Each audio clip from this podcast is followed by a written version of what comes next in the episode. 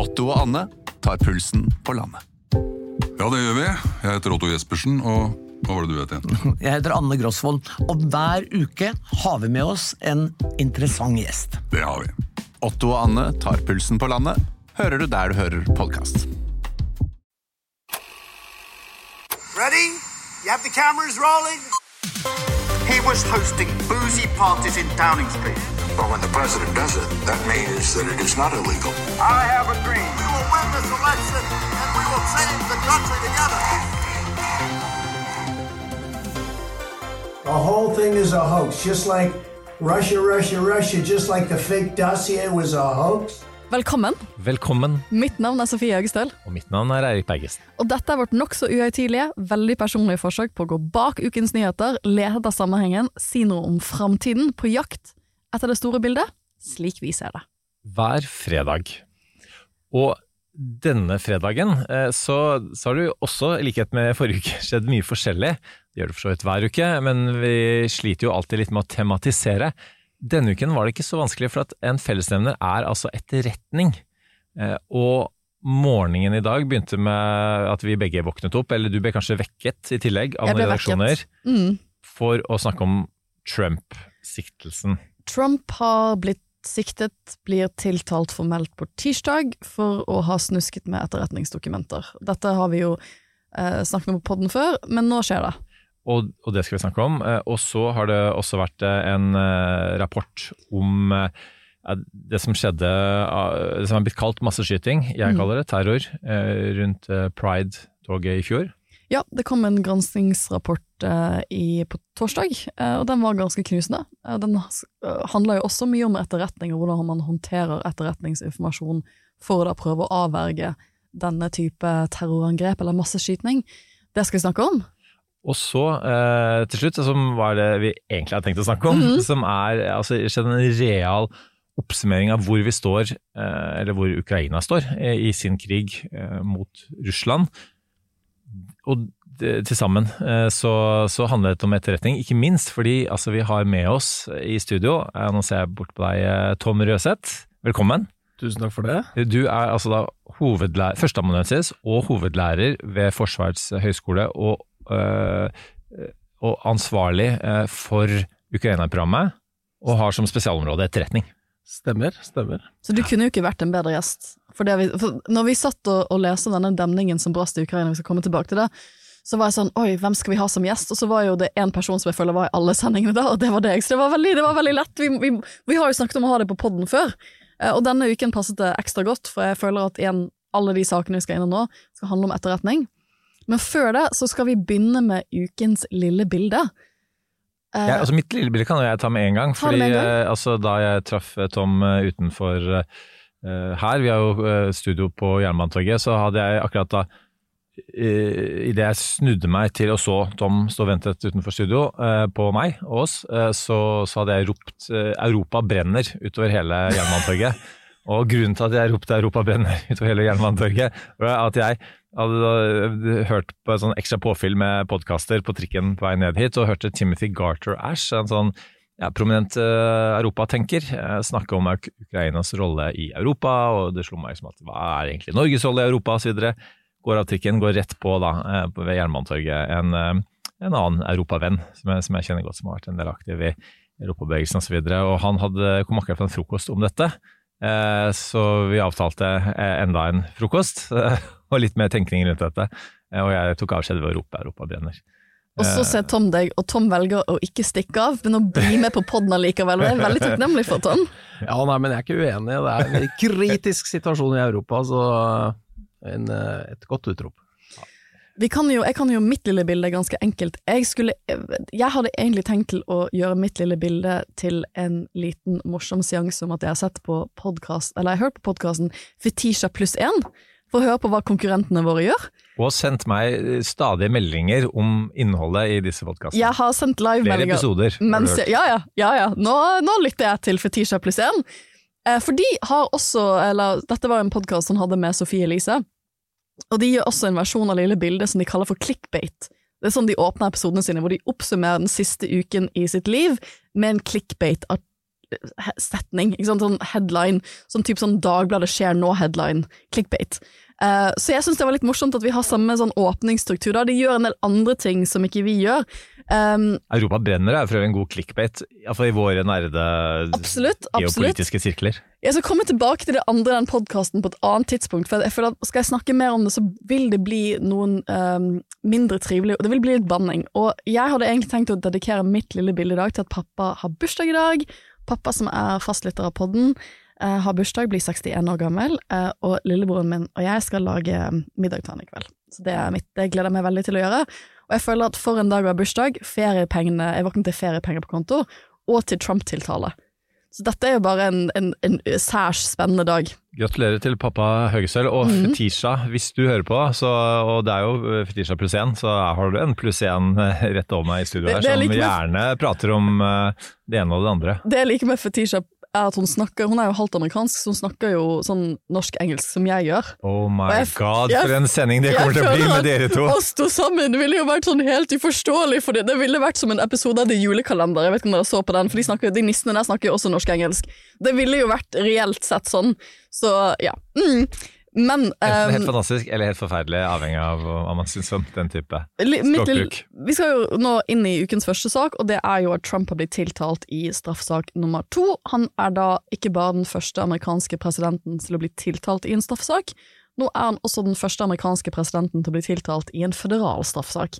For den eh, tiltalen som stor, storjuryen har godkjent i denne eh, hemmelige stemplede dokumentsaken, det er da en føderal eh, storjury. Så det er en føderal straffesak.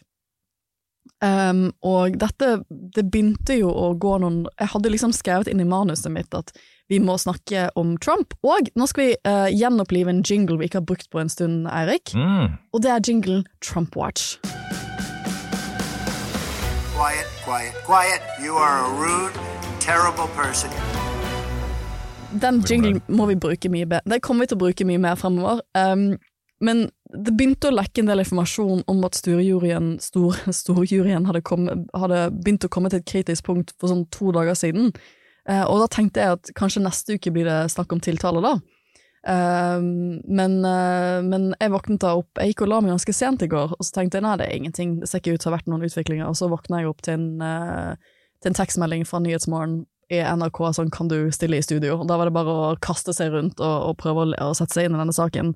For vi, vi hadde jo, vi kjørte jo en hel spesialepisode om disse dokumentene eh, i fjor, da Trump først ble ransaket av FBI, hvor du kalte meg for Carrie Matheson eh, fra Homeland, for jeg hadde liksom brukt hele kvelden på å lage en timeline over hva som hadde skjedd her. Eh, den episoden tror jeg står seg sånn ish, for det, det, det, sånn, det korte konteksten her, det som har skjedd, er at Trump flyr ut av Det hvite hus med mer enn bare personlige gjenstander eh, i januar 2021. Han tar rett og slett med seg eh, masse, masse kasser med hemmelighetsstemplede dokumenter eh, idet han forlater Det hvite hus og flytter til Florida. Og han velger jo å flytte til Florida, han bor jo i det som er et hotell. Så dette er jo ikke det sikreste jeg nå ser på deg, Tom. Dette er jo ikke det Jeg antar at det er sikrere steder å oppbevare ting enn et hotell hvor mange personer kommer inn og ut. Garantert. og Så er det jo eh, hvilken sikring disse dokumentene fysisk har hatt inne på hotellet, som vi, vi kanskje vet eh, mindre om. Men eh, det var vel snakk om en safe eh, av noe slag, eh, tross alt. Men, Ja. eh, men det er klart, høyt graderte dokumenter skal ha eh, veldig sikrede forhold, eh, og det tviler jeg på var tilfellet. Ja. Og da, da oppdager arkivmyndighetene i USA, for de skal da begynne å systematisere alle Trump-dokumentene etter han har gått av som president, Um, og via The Presidential Records Act så skal de begynne å, å, å, rett og slett arkivere alt av dokumenter som knyttet seg til hans presidentperiode. Og da oppdager de etter hvert at her mangler vi noe ting. Og det, jeg husker at jeg syntes det var rart, for jeg tenkte sånn Eh, Hvordan skjønte de at de manglet ting? Hva er det han har tatt? Og han har jo da tatt det, det vi vet nå med 100 sikkerhet, er at et av dokumentene han eksempel har tatt, er dette personlige håndskrevne brevet han fikk fra eh, Nord-Koreas diktator, eh, Kim Jong-un, eh, eller før eller etter de hadde hatt et toppmøte i Singapore. For han prøvde jo en periode å mekle fred mellom Nord- og Sør-Korea. Eh, og det er jo et veldig veldig stemplet, hemmelig stemplet dokument, som han da har tatt med seg hjem til Florida og vist til folk. Eh, og når, når eh, disse arkivmyndighetene ikke fant en del sånne dokumenter, så skjønte de at her er det et eller annet. Eh, og så brukte de mye av fjoråret, altså 2021, på å prøve å få disse dokumentene tilbake. Trump sender etter hvert 15 bokser med dokumenter tilbake til arkivmyndighetene. Men så mistenker de at det fortsatt er en del dokumenter igjen, og her begynner egentlig straffesaken. For da ses de seg nødt i, på begynnelsen av fjoråret til å ta kontakt med FBI og være litt sånn vi vet ikke helt hva vi skal gjøre her. Han sitter nok trolig på mer, mer dokumenter, og vi blir litt usikre på hva som skjer. Eh, hva gjør vi? Og da kommer FBI inn i saken og prøver det, det virker, Dette kommer vi til å høre mye om i ukene som kommer, men det virker jo som FBI genuint prøver å samarbeide med Trump og få han til å utlevere de resterende dokumentene uten så mye mer drama. Og her er nok det som gjør it's, it's not necessarily the crime, som de sier, it's the cover-up. Ja, fordi det som jo også skjedde, som kanskje var det mest spektakulære på en måte begynnelsen for i offentligheten på den saken, var jo dette raidet da, eh, mot Mar-Lago, som eh, Trump selv kalte for et raid, men som Freud bare, bare at de banka på døra og ville ha disse dokumentene, og fordi at Trump ikke ville overlevere de selv. Eh, og Tom, altså vi, Hele historien om Trump er jo vel egentlig det å normalisere veldig unormal oppførsel av en president. Og dette er jo ikke bare en, en vanlig president, dette var, eh, og kan igjen bli, eh, verdens mektigste politiske leder. Og hvis du skal prøve å sammenligne litt da, historisk og på tvers av nasjoner osv., og, så og ikke minst i vår tid, altså hvor alvorlig syns du en sånn sak er? Nei, også han prøver jo å vinne politisk eh, på dette, og spiller dette og polariserer eh, selve etterretningsdokumentsaken gjennom den. Så jeg, altså hvor alvorlig er det? Altså det er jo alvorlig. Jeg har skjønt det slik at tidligere presidenter også har hatt med seg noe gradert materiale, men dette er i en helt annen skala og, og, og kanskje også graderingsnivå. Eh, så eh, det er jo eh, Jeg vil si det er en alvorlig sak, og så er det sånn at justisvesenet må jo gjøre det de er satt til å gjøre. Men så blir det jo da ropt om politisert justisvesen av republikanerne og Trump, selvfølgelig. Og det, det, eskalerer jo bare hele tiden. Man blir jo bekymret for hva som skjer etterpå. Mm. må jeg legge til altså, disse andre sakene du, du, du nevner. altså eh, Biden også eh, hadde dokumenter han ikke skulle ha hatt det etter hans tid som visepresidentkandidat, men det hører med til historien der at det, det var færre ikke like alvorlig, og det var hans eh, egne folk som oppdaget det og frivillig tok kontakt med myndighetene og leverte de eh, tilbake. Så det er noen store forskjeller der. Ja, men vi må si at han er også under etterforskning for disse mm. forholdene, Mm. mm. av en annen spesialetterforsker. Så det Men, men igjen et, et, noe helt annet. Eh, Absolutt. Uh, vi kjenner ikke alle detaljene i begge sakene, men, men, det er noe helt, helt annet. Uh, og, og, Apropos dette med, med etterretning og, og, Trump, da, Tom. Altså, altså, kanskje en av de sånn fremste ja, hva skal jeg si da, høydepunktene med gåseøyne da, av Trumps presidentskap er jo da når han på en pressekonferanse Eh, og, og, det blir spurt om, eh, om dette med altså, russisk innblanding i valget, eh, som da flere av hans, eller USAs, justisvesenet sin etterretningsorganisasjoner har påpekt at har skjedd, så viser han til at han i samtale med Vladimir Putin har fått beskjed om at nei, det har ikke skjedd og får da direkte spørsmål altså hvem han stoler mest på av sin egen etterretning og Putin, og velger altså side ved Putin. Altså, Hvor alvorlig dette er vel et retorisk spørsmål, er det egentlig det? Ja, nei, altså Det viser jo bare selvbildet hans er ekstremt uh, oppblåst. Uh, det å da avsi uh, tradisjonelle, dyktige Eh, og veldig ja, kompetente organisasjoner over tid i USA som gjør en eh, forskjell. og Bare, bare ta avvise de og ta egne personlige møter eh, og vekte det tyngre, er jo, er jo veldig, veldig spesielt. Og Trump han, han mente jo i president, sitt presidentskap at etterretningen tok feil på en rekke områder, deriblant Russland spesielt. Og eh, det er klart, han anvendte ikke etterretningen noe særlig i sine beslutningsprosesser. Det tyder jo bare dette også på, det eksempelet du nevner. og det, det, det er klart, når etterretningstjenestene med sin, sine mektige apparater, egentlig, ikke får eh, være en del av beslutningsgrunnlaget til presidenten, så blir politikken til USA eh, veldig personavhengig. Og det, det, får jo de utslagene som vi så under uh, Trump. Da. Og det eh, gir jo bekymringer for, for fremtiden, eh, hvis han kommer til eh, skudd igjen, for å si det sånn. Ja, for en av de spørsmålene jeg har fått i dag er kan han stille til gjenvalg nå, og det helt klare svaret på det det kan han. Det er folk som har stilt til presidentvalg selv om de har vært straffedømte, selv om de har vært i fengsel. For 100 år siden var det en fyr som drev valgkamp for sosialistene som var i fengsel og fikk 3% av stemmene. Han fikk en million stemmer fra fengsel. Så det er det ikke noe i veien for. Og, og i teorien, og nå er vi virkelig inne i teorien, men la oss si at for det, han er kun Han blir tiltalt på tirsdag. Vi er ikke kommet noe lenger i saken enn det. Han sin Eller forsvaret hans så lenge virker å være at som president så kan han avgradere alle de dokumentene han vil, bare ved å tenke på det. og vi kan le litt av det, men, eh, men eh, straffebeviskravet i straffesaker er veldig høyt. Må jo, de må jo for det, for det ene tiltalepunktet her, så må de nok vise at han har skjønt og gjort dette med vilje. Eh, og det, hvis han kan si at han i sine tanker på vei ut av døren til Det hvite hus i januar 2021 tenkte seg at disse var alle degraderte, hva, hva, er oppfølgingen da? Det, det, jo, det, det, i seg selv vil ikke gjøre at man ikke kan gå etter de andre punktene, og det er noen som mener at The Espionage Act, som nok er det første tiltalepunktet, ikke krever at dokumentene er formelt gradert. Så her kommer det til å være masse frem og tilbake. Eh, men dette er jo litt spesielt i USA, at presidenten har jo sånn graderingsmyndighet. Det er kanskje litt, Jeg antar at Jonas Gahr Støre ikke kan avgradere ting ved å tenke på det? Nei. Nei. Uh, og så kan selvfølgelig politikerne velge å gå ut med etterretninger uh, hvis det er viktig nok.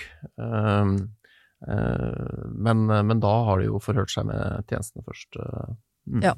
Så, så, så, korte svaret er at han kan stille til president, og hvis han, la oss si at han skulle bli dømt, dette er jo igjen veldig tidlig i saken, vi vet ikke om det kommer så langt, men hvis han skulle bli dømt, så kan han fortsatt bli valgt til president i teorien fra fengsel, og så benåde seg selv, antageligvis. Så her er det masse muligheter, masse spennende ting vi skal snakke om neste uke. Han kommer til å bli fremstilt for retten i Florida, i Miami. Dette her er Trump Indictment Miami Edition. Jeg gleder meg. Miami er en veldig fin by. Jeg lykker, ønsker alle journalister som skal dit på, på tirsdag, lykke til. Tove Børger kommer sikkert til å stå der og, og live, uh, ha live-reportasje. Øystein Mogen i TV 2. Absolutt. Um, det blir spennende, så vi kommer jo selvfølgelig til å dekke dette her til neste uke. Det betyr jo at vi kanskje nå får et mugshot, for nå må han følge føderal arrestprosedyre, og da tror jeg det kanskje blir et lite mugshot. Vi skal ikke love for mye her. Det er lov å håpe. det er lov å håpe. Det, det som virkelig gjorde meg sånn um, overrasket denne uken, var jo at det plutselig kom frem på et onsdag, tror jeg, at, uh, at det var en føderal storjury i uh, Florida som jobbet med dette, og så da var det sånn oi, hva skjer her nå? Og det synes jo nå å være fordi at påtalemyndigheten tok et veldig strategisk valg og sier at vi har ikke lyst til å hente han helt til Washington DC, med alt det sirkuset det vil involvere å få han flydd inn til Washington DC og stilt for en domstol der. Vi tar det i en føderal domstol i Florida, lokalt istedenfor. For der vant han presidentvalget i 2020. Altså Han fikk den delstaten i 2020. Han kan ikke si at dette her er et jury for man må jo velge en jury i en sånn type sak. Han kan iallfall ikke si da at det er en jury som ikke liker han, for det er en delstat han har vunnet to ganger. Og som jo vet, uh, guvernøren i Florida er hans uh, fremste uh, erkerival i valget, nemlig Ron DeSantis.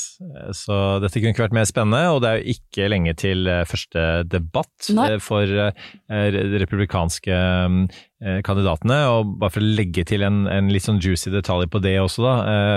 Det er jo sånn at det er Fox som skal ha den første, og de har da lagt fram for alle kandidatene at altså i tillegg til at du må ha 1% av stemmene og et visst antall penger i finansiering, så må du også anerkjenne at du vil Eh, godkjenne eh, den personen som Du vil støtte den personen som vinner? Støtte personen som vinner eh, primærvalget. Og spørsmålet blir da vil Trump gjøre det?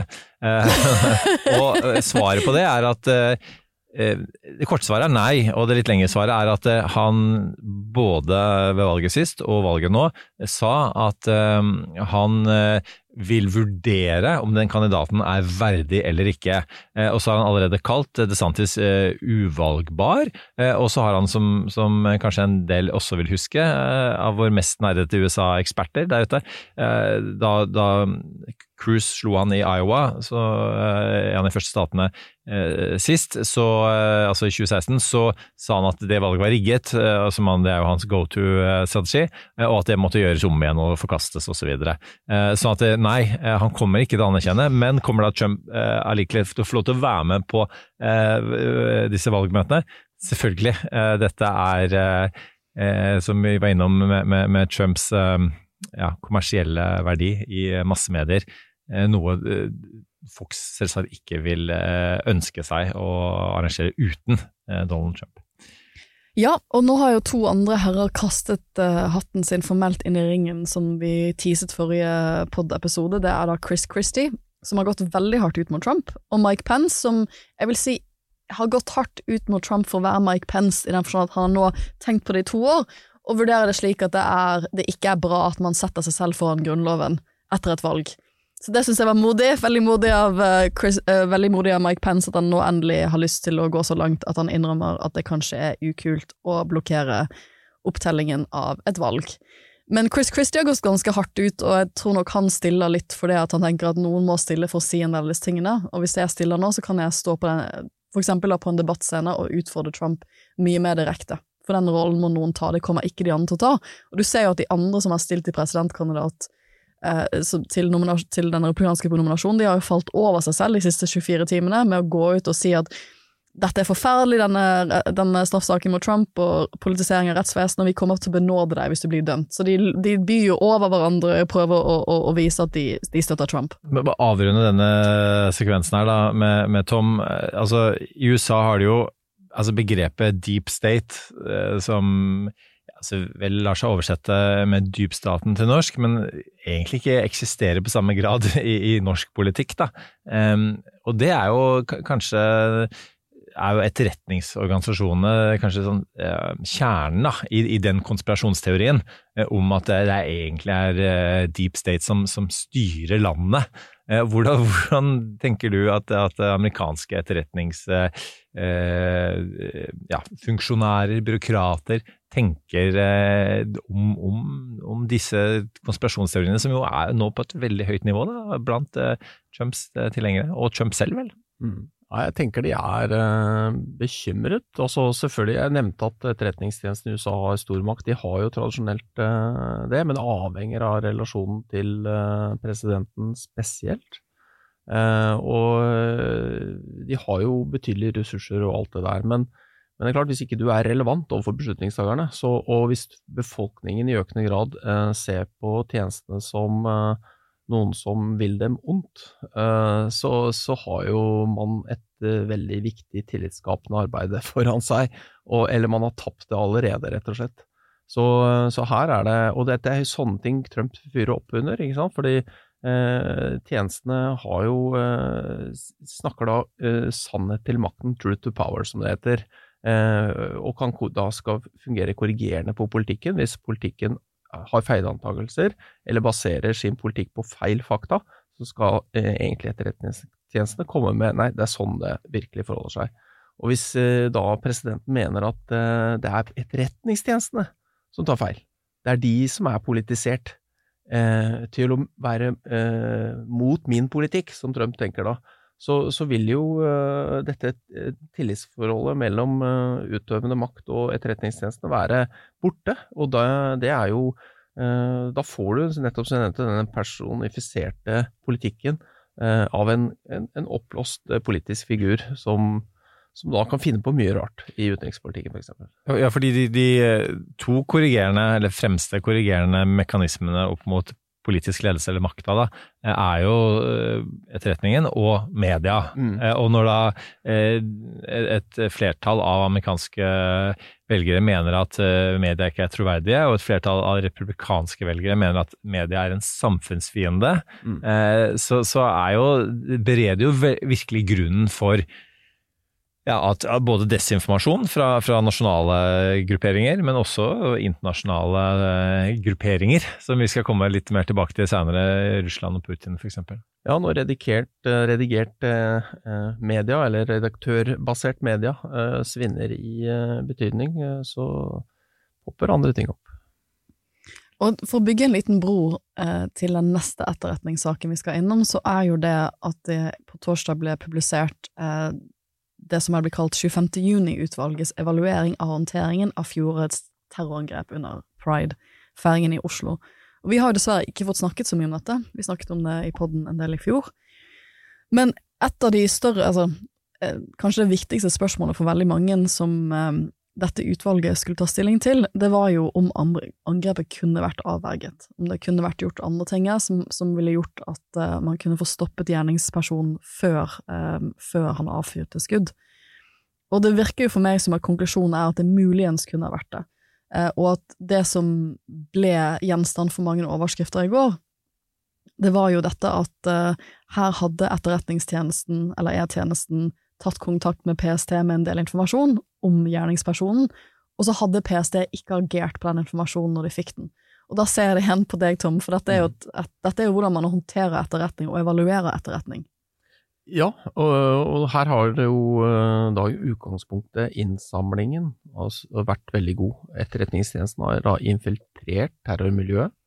Ja, de har da eh, kommet inn i det med, med, med å late som de er eh, en terroraktør, Så de har rett og slett hatt agenter som har infiltrert dette miljøet digitalt. digitalt. Og det er en veldig god eh, måte å få informasjon på, og vært en dyktig og vellykket operasjon. vil jeg si. Så innsamlingen er første prinsipp, den har vært veldig god. Og så skal dette overbringes og formidles til eh, PST, og det, ifølge rapporten så ble det gjort med ganske stort antall eh, personer, på hvert fall ett av disse møtene.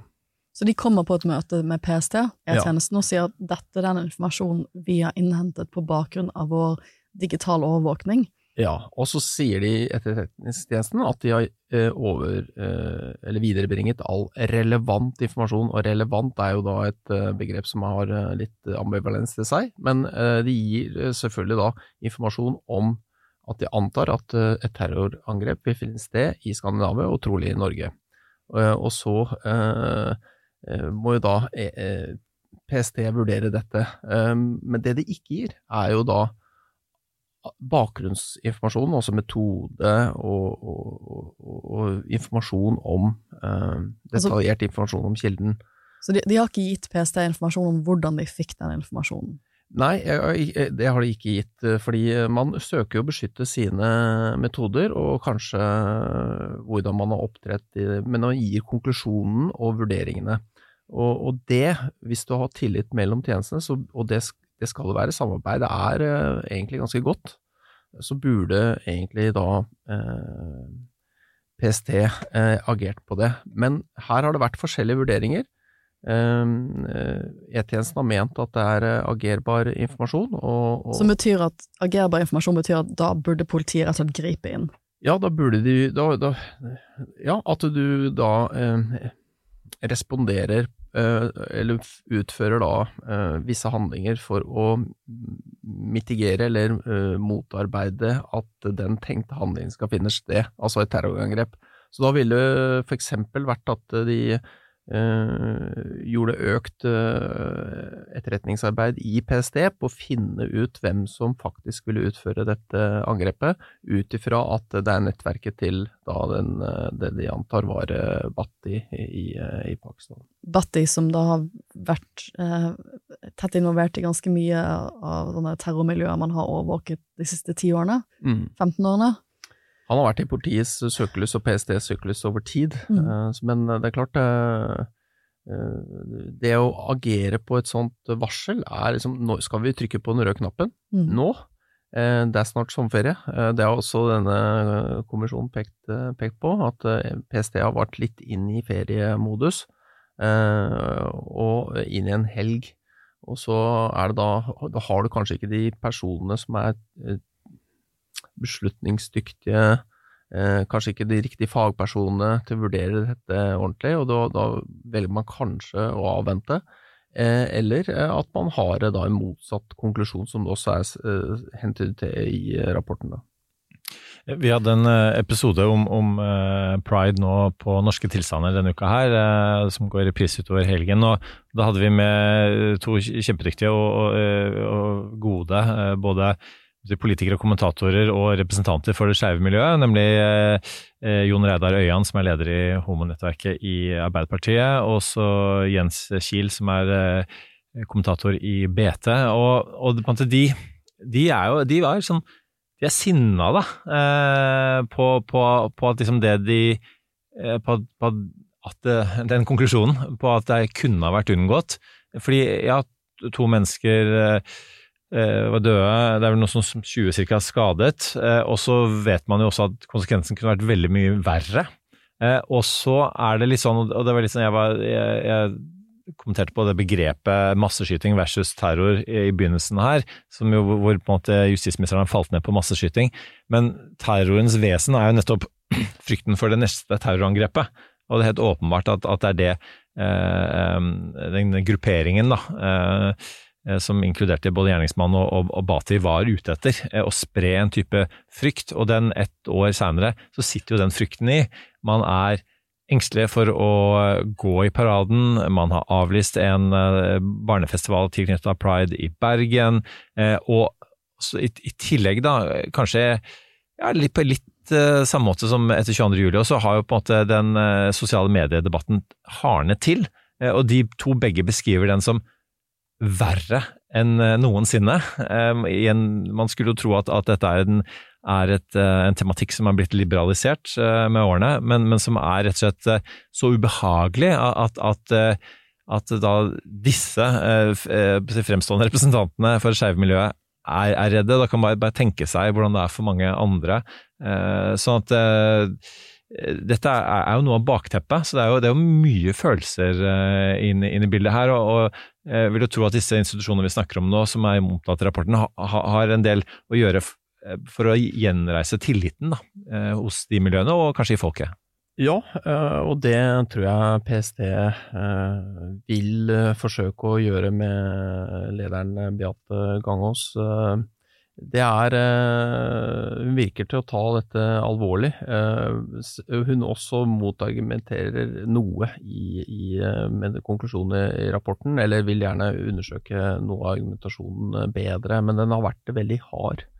Eh, og det er riktig da å si unnskyld, og det er riktig å, å se på hva man eh, kan gjøre annerledes med tanke på institusjonen og, og ressursprioriteringer og sånne ting. Så, så, her uh, kommer det helt sikkert noe godt ut av det. Det jeg vil, er litt mer bekymra for, er at man gjør harde, brutale ting eh, som en overreaksjon, og så skader man tjenestenes, altså de hemmelige tjenestenes muligheter til å nettopp infiltrere sånne miljøer. og, og til å eh, motarbeide eh, slike terroraksjoner eller eh, masseskytinger. Så, hvilke, hvilke, ting kunne det vært? Nei, det, altså det er hvis man omorganiserer sånn at, at det eh, vanskeliggjør At det binder opp ressursbruken mot bestemte ting, og da får du plutselig ikke prioritert på andre ting. Altså her må, her må eh, sånne tjenester ha fleksibilitet, samtidig som de åpenbart også har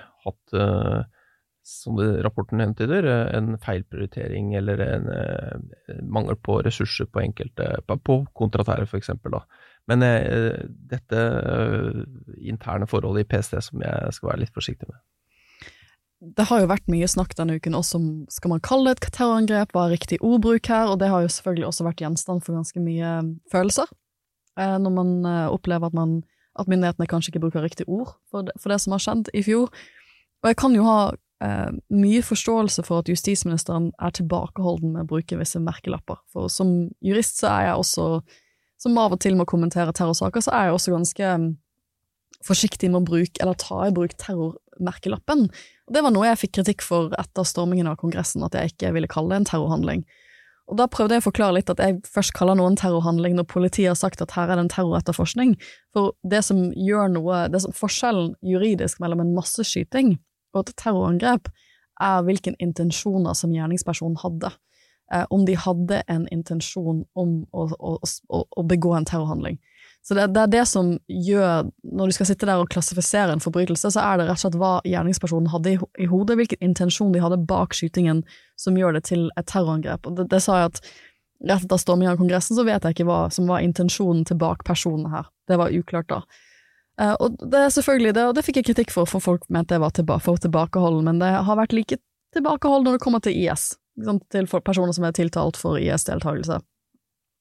Jeg tror forskjellen for meg her er at uh, gjerningspersonen i denne konkrete saken, han ble ganske tidlig siktet av uh, politiet for drap, drapsforsøk og terror. Og når en person først er siktet for terror, så betyr det jo at politi og påtalemyndighet mener at her kan det være terrorhensikt, og da har ikke jeg like store problemer med å kalle det en terroretterforskning.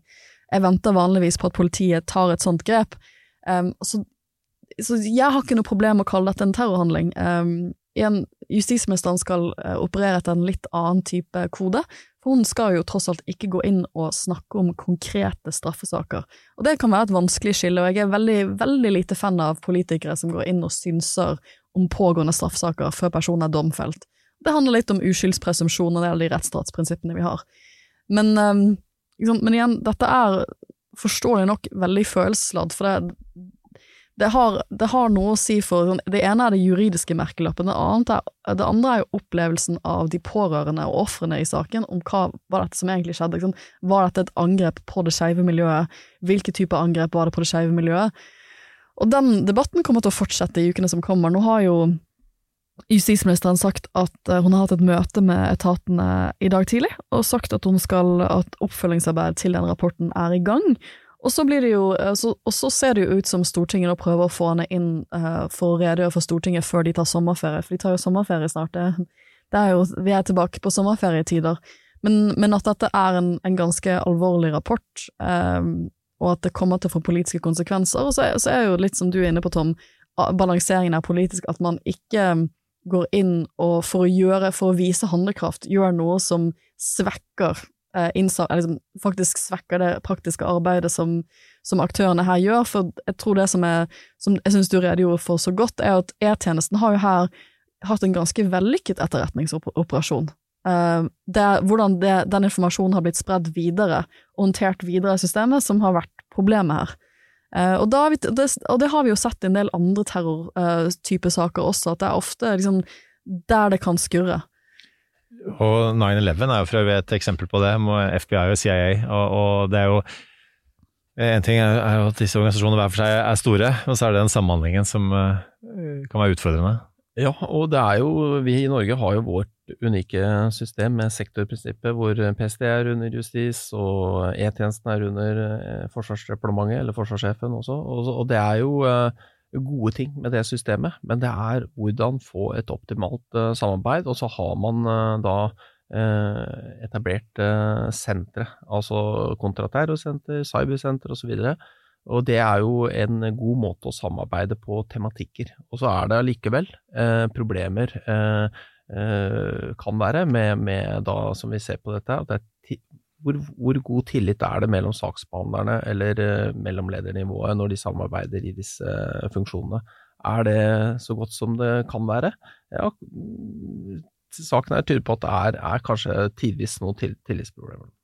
Vi skal straks gå over til Ukraina, det er mye å ta tak i der. Bare avrunde denne segmenten her, men bare hive inn noen, eh, noen tall som viser hvorfor eh, mange i skeive miljøet er, er engstelige. Og det er jo ofte sånn at når man da vinner en del sånn ja, eh, politiske rettigheter via lovverket blant annet, som, som man har gjort i, i Norge, så, så, så kommer det noen sånn eh, eh, ja, backlasher, da, noen sånne tilbake tog, eh, og fordi noen eh, ønsker å gjøre en siste innsats for å bekjempe det, og, det også har skjedd i skeive miljøene. Nå er det sånn, eh, Amnesty hadde en undersøkelse som viste at én av fem eh, nordmenn eh, syns det er ekkelt at to av samme kjønn viser sine følelser og ikke ønsker å se det i offentligheten. Det er ganske oppsiktsvekkende.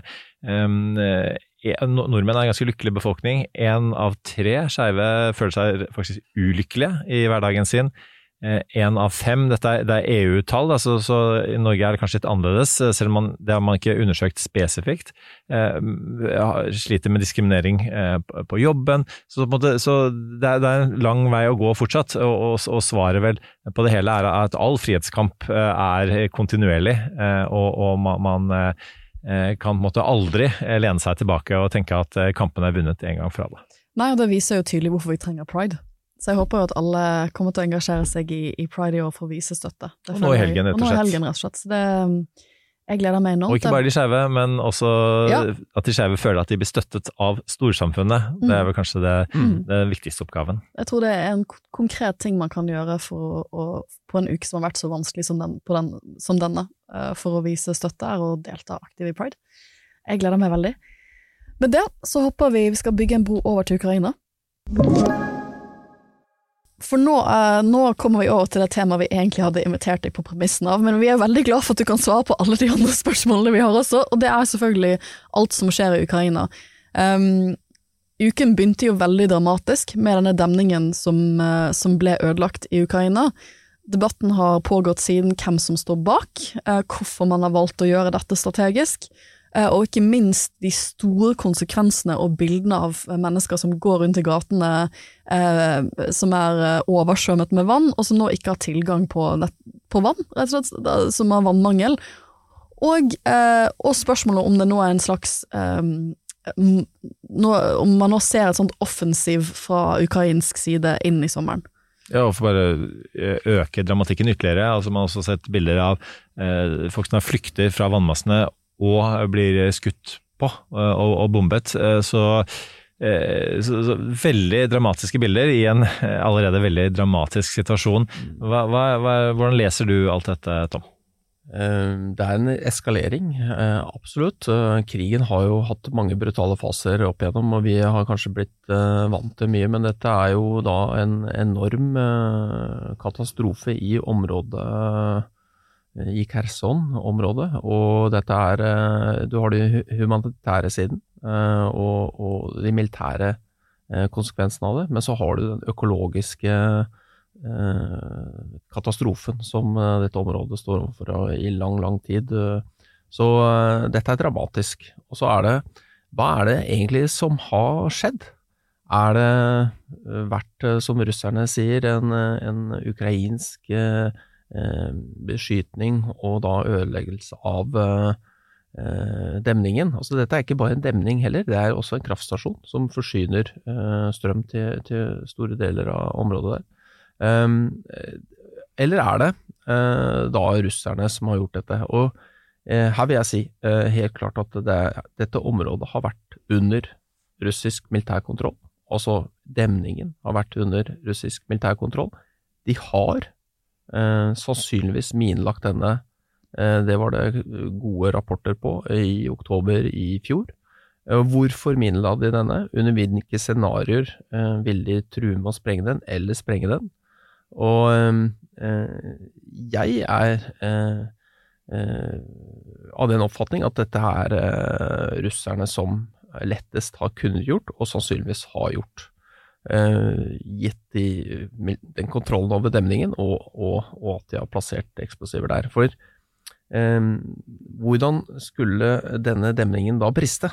Og det er, ifølge eksperter på demninger, som ikke jeg er, så, så, må du, for å få den effekten, sprenge da på punkter i hovedstrukturen til demningen, og da må du ha eksplosiver inne i demningen. Det holder ikke med ekstern eh, beskytning. Og eh, den tilgangen har jo russerne hatt, og de har også etter sigende da hatt eksplosiver i, i, i beredskap på, på, demningen i tilfelle visse scenarioer. Så Eh, overveiende sannsynlig at russerne har gjort dette. Har ukrainerne gjort dette her, så vil jo det komme for en dag eh, også. Og det vil jo være en, en politisk selvmord for uh, Zelenskyj og for militærledelsen. Eh, det ville være fullstendig krise om, om, de hadde selv utført dette. Fordi dette ødelegger jo ukrainsk territorium for lang fremtid. Og så er det, er det i et scenario da, hvor dette er La oss si at dette er en uh, eskalering fra russisk side, da at det er, eh, det er en, et militært uh, hensikt med dette, med at du du uh, begrenser fronten hvor eh, ukrainerne kan ha denne motoffensiven som dere nevnte. Og så er det da en, et, kanskje også en demonstrasjon med at vi har flere verktøy, vi. Vi, har, vi må riktignok dypt ned i verktøykassa for å eskalere nå, men vi, vi, går ned, og så finner vi det store, store hammeren, og så tar vi og gjør dette her. Og det som bekymrer meg litt, er jo eh, at uh, neste eskaleringssak uh, i en sånn scenario er jo da kanskje Narodar-kraftverket i Zaporizjzja, som da har potensialet til å bli en, en, en, truende sak, altså et nytt Tsjernobyl i verste fall, da, mm. som russerne kan bruke som eskalering om om ukrainerne har suksess i motoffensiv. For det er et atomkraftverk? Et atomkraftverk, Europas største, eh, med seks eh, eh, kjernekraft... Ja, hva heter det? Generatorer. Generatorer.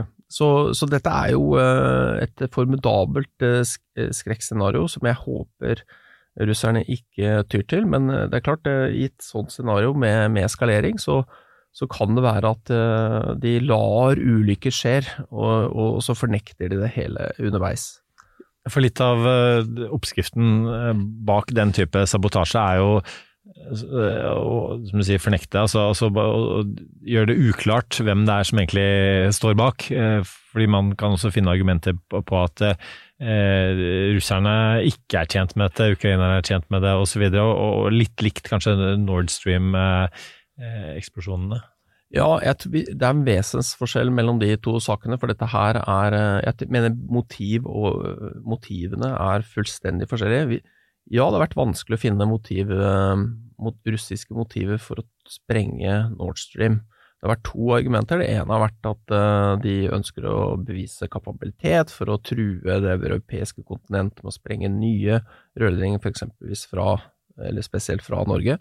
Eh, og det andre er at eh, de har hatt eh, ingen gass gjennom denne rørledningen. De har fått bøter av Europa, og derfor valgt å heller sprenge den. nettopp med punkt én, at de da vil vise kapabilitet.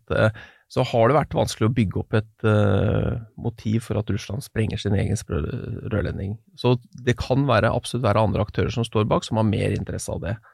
Eh, og det har vært noen indikasjoner i så måte at det er eh, noen aktører i Ukraina som har eh, hentydet, eller fra amerikansk side så har det hentydet at de eh, har sagt at de vil utføre noe eh, mot eh, den rørledningen. I eh, det gjelder Kakovka-dammen, så, så er det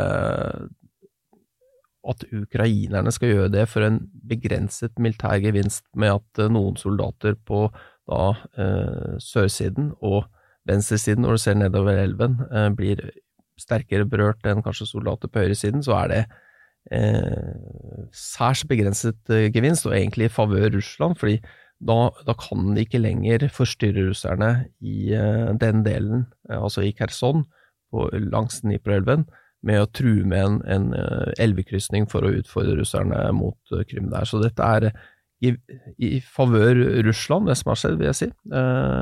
Dette er ikke strategisk. Ja, dette ikke har noe, har ikke, Ukraina har ikke noe militær fortjeneste på denne Nei, det har, det har vært noen styrker som, som, ikke har vært informert, eller som ble da tatt av strømmene på, på russisk kontrollert side. Mm. Men Eh, meg kjent så er det eh, veldig begrenset uh, gevinst. Og jeg, forstår ikke gevinsten fra, fra ukrainsk side militært. For jeg, jeg tror hvis du, hvis du, er som oss og, og, prøver å følge med så best du kan, så er bildet nå ganske sammensatt, hvis du prøver å, å skjønne hva som skjer i Ukraina-krigen ut ifra et mediebilde.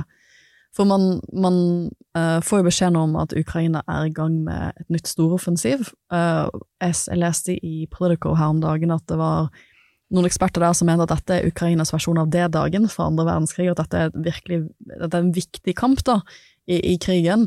Um, samtidig som du har uh, tilsynelatende en opptrapping fra russisk side, som du sier, ved å gå etter kritisk infrastruktur. For dette er jo uh, ødeleggelse av den type infrastruktur har jo veldig store konsekvenser for, de, for sivilbefolkningen som bor i dette området, eh, og for gjenoppbyggingen etter en krig eventuelt er ferdig. Og som du sier, så jo, har det jo vært ganske mange som har vært redd for at en mulig eskalering fra russisk side er jo disse atomkraftverkene.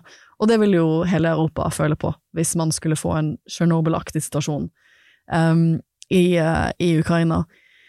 Eh, hvordan tolker hvordan, altså, Du skal jo Jeg føler at det kan være heftig nok å være på Trump-watch, men dette her er noe helt annet. Nå er, nå, er, det så mye som skjer. Hvordan, for det første, hvordan prøver du å sortere i det som skjer nå?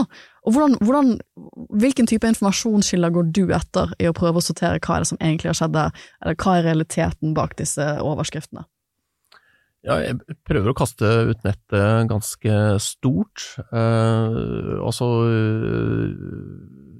Erik her var inne på liksom, uh, at russerne prøver å fornekte eller uh, Og, det, og det også, hvis du ser på russiske medier, da, som jeg selvfølgelig må også uh, for, for Du snakker russisk? Ja, mm. så, så, vil hva er, det, hva er det som påstås fra statlig side? For alt er jo kontrollert fra statlig side, bortsett fra militærbloggerne og, og litt til, så, så, og noen Twitter-ting. Så, så, det er eh, og, og, se hva som skjer på russisk side, for det gir en indikasjon på, på, på noe. Men er, du kan jo ikke stole på den informasjonen. De har jo notorisk eh, løyet under denne krigen. Men en gang iblant så snakker de også sant. Så det er jo en stor utfordring. Når gjør de det? Og så er det å se på eh, eh forskjellige eh, Telegram-kanaler som eh, gir god informasjon. Nå har eh, Forsvaret eh, sagt nei til at vi kan bruke Telegram, så jeg har måttet kutte ut det i det siste. Eh, finne noen andre løsninger. Men vi har også mye på Twitter. Twitter, og så går jeg til forskjellige militære sider rundt omkring og ser på, ser på det. Mm. Og så er det jo noen veldig gode internasjonale medier og podkaster. du har The Telegraph har en podkast som er ekstremt bra. Eh, som heter eh, Ukraine Latest. Og så har du eh, The Guardian også, som jeg syns er veldig god på, på sine dekning av krigen.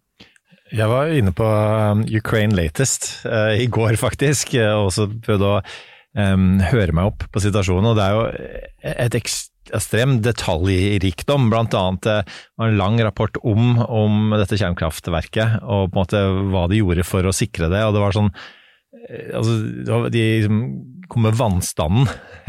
Ehm, eh, hvordan den hadde flyttet seg fra time til time, nærmest. Eh, så Samtidig så, så jeg en av kommentatorene der og sa at um, Samtidig så vet man jo aldri helt, da.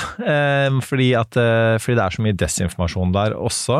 Um, og hvordan er det med Vi nevnte den, den forrige saken vi diskuterte, dette med, med pride osv., så, videre, så nevnte vi liksom ordet dette med å både mitigere og agere. ikke sant? Altså, for Etterretningen gir jo da råd til eh, myndighetene om, om, eh, som skal legge til rette for at de skal handle politisk. Eh, og man vet jo aldri helt med etterretning. Eh, og eh, det er god etterretning, det er dårlig etterretning. Man vet ikke alltid hva som er god og dårlig, eller det er jo selvfølgelig jobben deres å kvalitetssikre det. Men, men Gitt, gitt, at man nå, f.eks. fra norsk side, sant, det er snakk om både, både å, å, gi våpen, eh, eh, hjelp, at, at, dette norske soldater er berørt, eh, vi grenser fortsatt til Russland.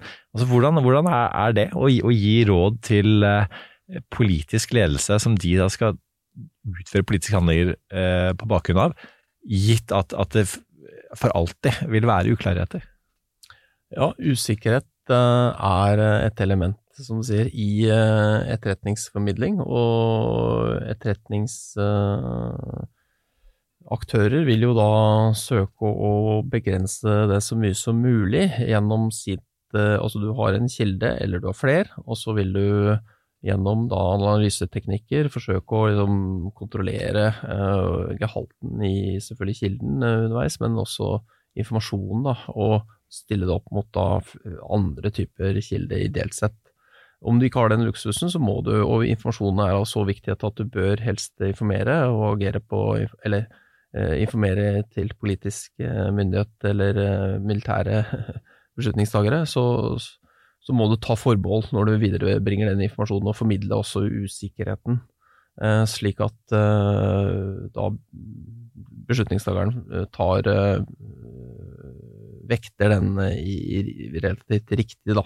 Men det er og blir, som du sier, en usikkerhet, eh, og det er ikke alltid eh, Etterretning er et orakel som bare kan svare på, på det man vil ha. Det blir alltid en, en restrisiko som, som kan I verste fall så kan informasjonen være feil, Det som det er historiske tilfeller på. som som Irak-krigen i 2003 f.eks., hvor de hadde én kilde som de jo vektet over pga. politisk veldig interesse av å nettopp eh, få, få, få det synet frem. Mm. Og så er det andre ting som har endret seg opp gjennom tidene.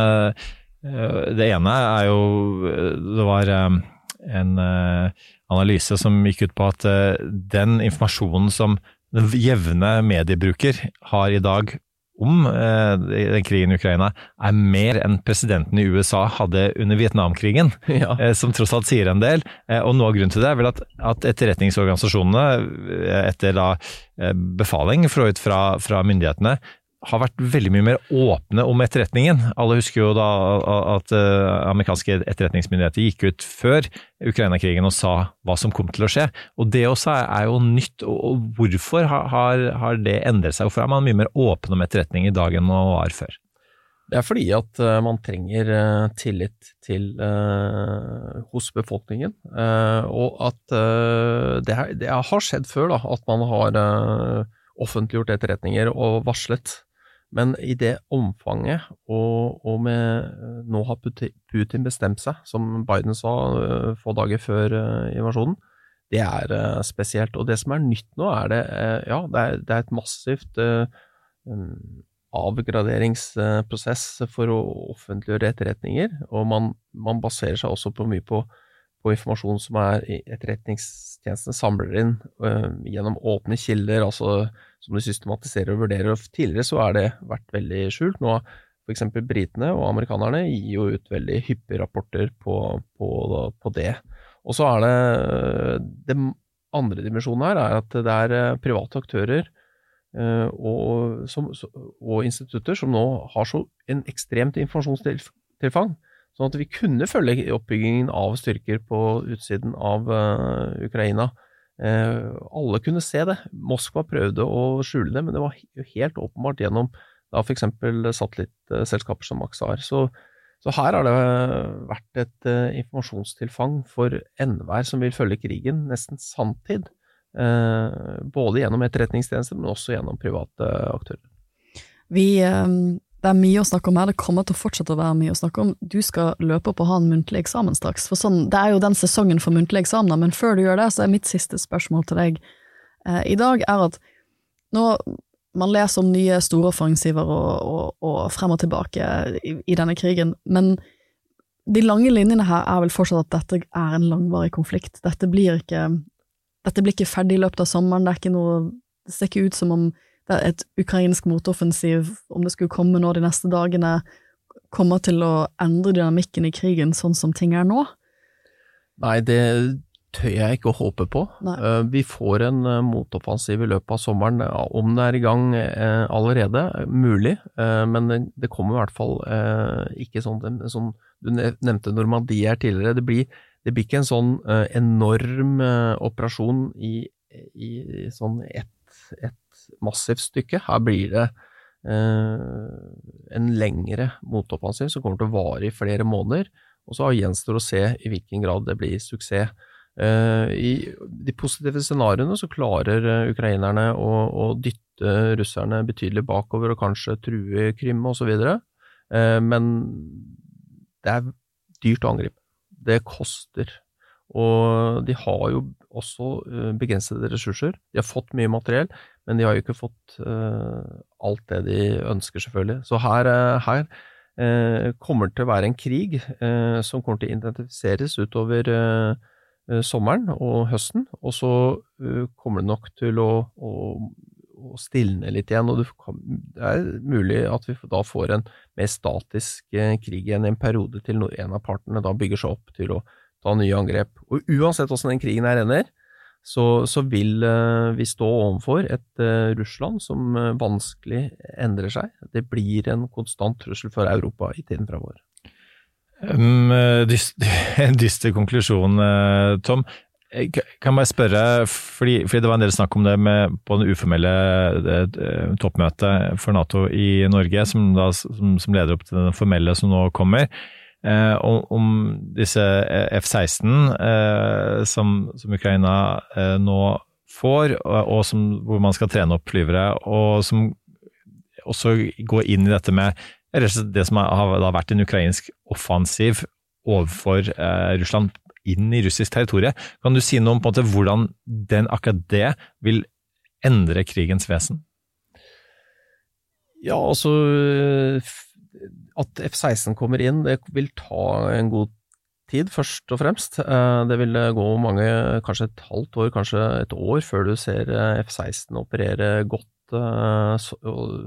Én ting er selve flyene, en annen ting er hvordan de skal samoperere med andre enheter for å nettopp få den militære effekten som er nødvendig.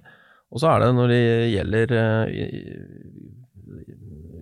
inntrengninger inn, inn, i russisk eh, territorium, altså juridisk russisk territorium. Russland har jo store territorielle ambisjoner og annekteringer her. Eh, som, som, ikke, ja, som, vi selvfølgelig ikke eh, anerkjenner, de er ulovlige. Men eh, juridisk Russland, det er det er for å forstyrre og, og, og, nettopp ødelegge en del av eh, russisk eh, militær logistikk. Eh, og samtidig frustrere russerne slik at de ikke kan samle all krafta si ned i Donbass og Zaporizjzja og Kherson-området. Og kanskje også så litt tvil i russiske befolkningen, at uh, dere tror at denne spesialoperasjonen er utenfor deres grenser, men er her vi kan faktisk angripe på russisk side, vi også. Viktig poeng. Her, her, kjemper jo ukrainerne liksom, De følger spillet som Russland har satt opp, og Vesten forventer helst ikke noe angrep i, i, i Russland. Men det er viktig jo også å forstyrre russerne der. Og som du sier, eh, altså dette er en informasjonskrig i tillegg. Og det at den russiske befolkningen eh, blir mer eh, av den oppfatningen at de faktisk er i krig, og ikke bare en begrenset militæroperasjon i Ukraina, det er eh, viktig. For konsekvensene er veldig store på sikt her også for det russiske samfunnet. Og med det så vi kunne snakke mye lenger, men du skal få lov til å straks uh, løpe av gårde til muntlig eksamen. Vi bare går rett på ukas av- og påkobling.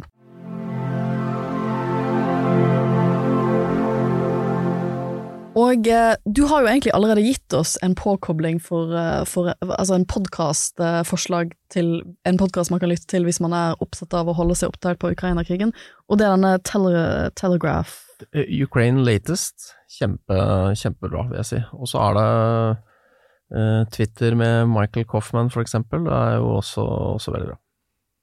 Er det noen, noen bøker, uh, hvis man skal på en måte gå litt tilbake i tid og finne historikken bak det hele? Ja, du har jo um, um, Andrew Wilson, for eksempel, er en veldig god uh, forfatter. Er en del av uh, forskningsprosjekt uh, jeg leder også, så jeg vil anbefale han. Eh, og, og, så kommer vi også med ting ut fra vårt, eh, vårt prosjekt, eh, også fra yngre forskere hos oss, som jeg også vil anbefale. Og dette er ting som ligger ute åpent på nettet? Ja, vi, på FHS sine hjemmesider, og så kan man gå på Contested Ukraine, så kan man også finne artikler der. Det skal vi gjøre. Jeg skal hive inn en uh, siste fra meg, en, en roman selvfølgelig, uh, som ikke handler om Ukraina, men det handler om uh, å sprenge en bro. og litt sånn som den demningen nå. 'Klokkene ringer for deg' av Ernest Hemingway, som, som tar utgangspunkt i den spanske borgerkrigen og dramaet rundt det strategiske valget å sprenge en bro eller ikke sprenge en bro. Jeg skal ikke gi spoiler alert på det. Interessant om, om krig. Eh, så, så, som jeg har sagt mange ganger før, ikke glem å ikke bare følge sånne eksperter på deg som deg på det løpende, men, men også krigens vesen, og den får man best i romanform.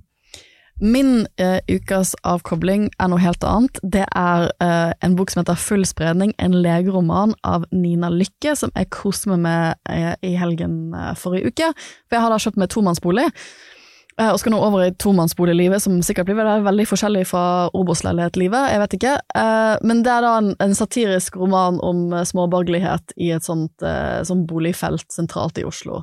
For å gi meg et innblikk i, i hvordan, hvordan, det er. Veldig, veldig morsomt. Kan anbefales på det varmere. Jeg føler at hun sparker satirisk fra seg i alle retninger, og tar det norske middelklasselivet, eller øvre middelklasselivet, veldig på kornet.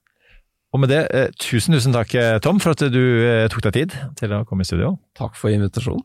Eh, håper du får en noenlunde rolig sommerferie. Eh, I hvert fall litt ferie. Det skal jeg ta. Det er godt å høre. Så må du komme tilbake igjen til høsten og forklare oss hva som skjer da. Gjerne. Mm. Stiller. Og med det, kjære lytter, så har vi kommet til veis ende.